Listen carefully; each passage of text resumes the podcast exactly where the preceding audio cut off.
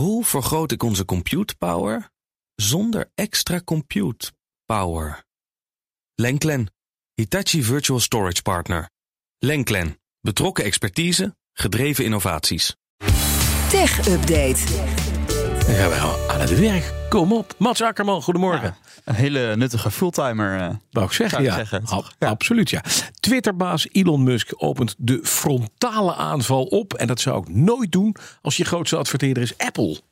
Ja, dat is inderdaad wel opmerkelijk inderdaad. Want eh, normaal komt er via Apple behoorlijk veel geld in het laadje. Maar ja, Musk is behoorlijk boos. Heeft echt een hele rant op Twitter geplaatst. Eh, gaat echt alle kanten op. Hij beschuldigt Twitter ervan dat Apple eh, dreigt om Twitter uit de App Store te halen. Nou, dan kan ik me wel voorstellen dat je daar boos over bent. En hij zegt ook dat Apple zo goed als gestopt is met adverteren. Dus nou ja, wat jij zegt, het probleem is al aan de gang. Ja. Hij tweet: Apple has mostly stopped advertising on Twitter. Do they hate free speech in America?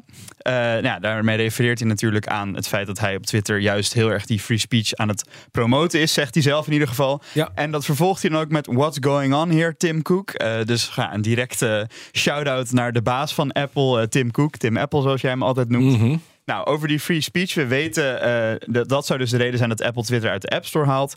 Apple heeft dat natuurlijk ook eerder gedaan met apps. Bijvoorbeeld de conservatieve app Parler. Die was populair bij conservatieve Amerikanen. Moest ook een tijdje uit de App Store. Eh, dus ja, dat zou een reden voor Apple kunnen zijn om Twitter uit de App Store te halen. En ja, over die advertenties. Musk zegt dus dat Apple bijna is gestopt met adverteren. Nou, het bedrijf Pathmatics heeft daar cijfers over.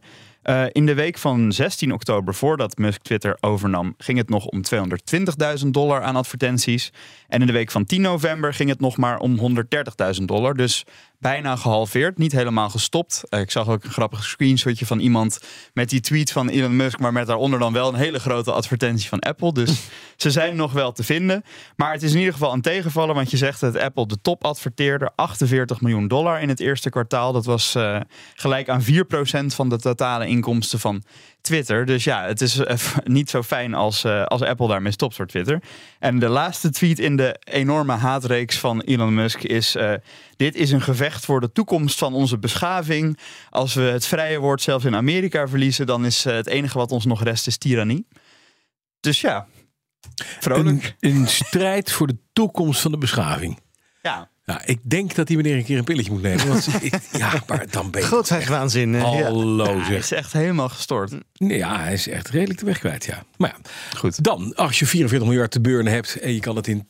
Dat is op zich Ja, best een zou er record. zelf eh, eh, niet eh, aan Nee, nee, Dat- nee, dat ja, maar toch, zo. nou ja, toch, het kost wel geld, hè? Waar Ja, hoe je het ook bent. En ik denk dat de, helft van het bedrijf al verdampt En is. dat burnen Als gaat niet meer hard. Ja, precies. Ja, Ja, en los van het geld inderdaad. Ik denk dat hij, hij is ook wel, denk ik, inderdaad wel iemand met een ego. Dus als Twitter zou omvallen, dan, eh, ja, dan zal dat hem toch wel weer reputatiesschade Ah, geven. hij, Dat kan zal hij niet altijd, fijn hij vinden. kan altijd president worden. Moet hij eerst even langs Kanye West. Maar dit terzijde. Europol, eh, Europol, nee, Europol, heeft de afgelopen maanden meer dan 12.500 websites offline gehaald. Ja, inderdaad. Europol, de, de Europese politieorganisatie. Ja. En dat doen ze in een jaarlijkse gecoördineerde actie, eh, operatie Operations in Our Sites.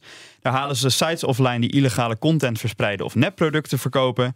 Nou, die actie vond plaats tussen 1 mei en 14 november. En in die periode werden, om precies te zijn, 12.526 sites offline gehaald. Hallo.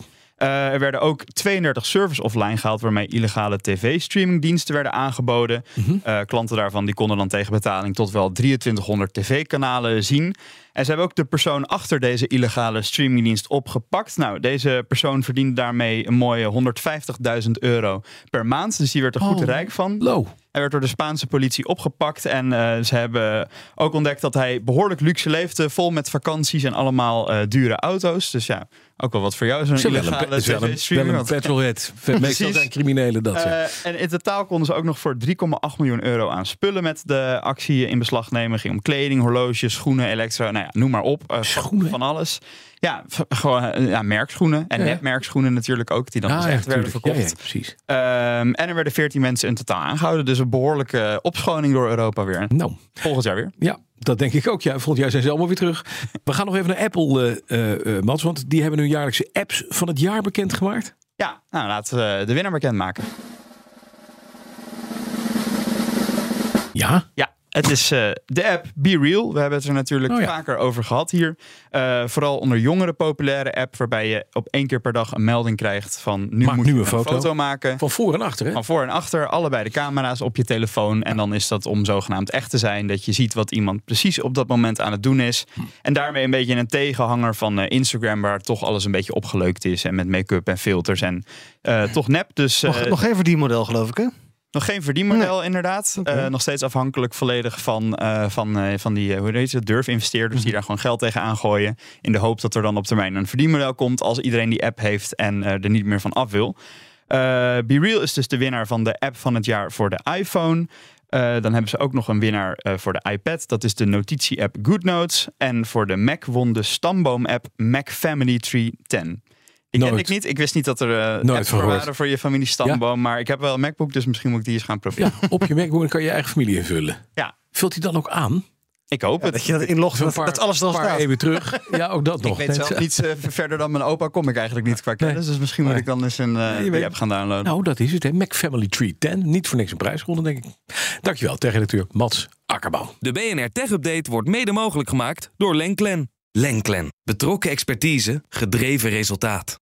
Hoe vergroot ik onze compute power zonder extra compute power?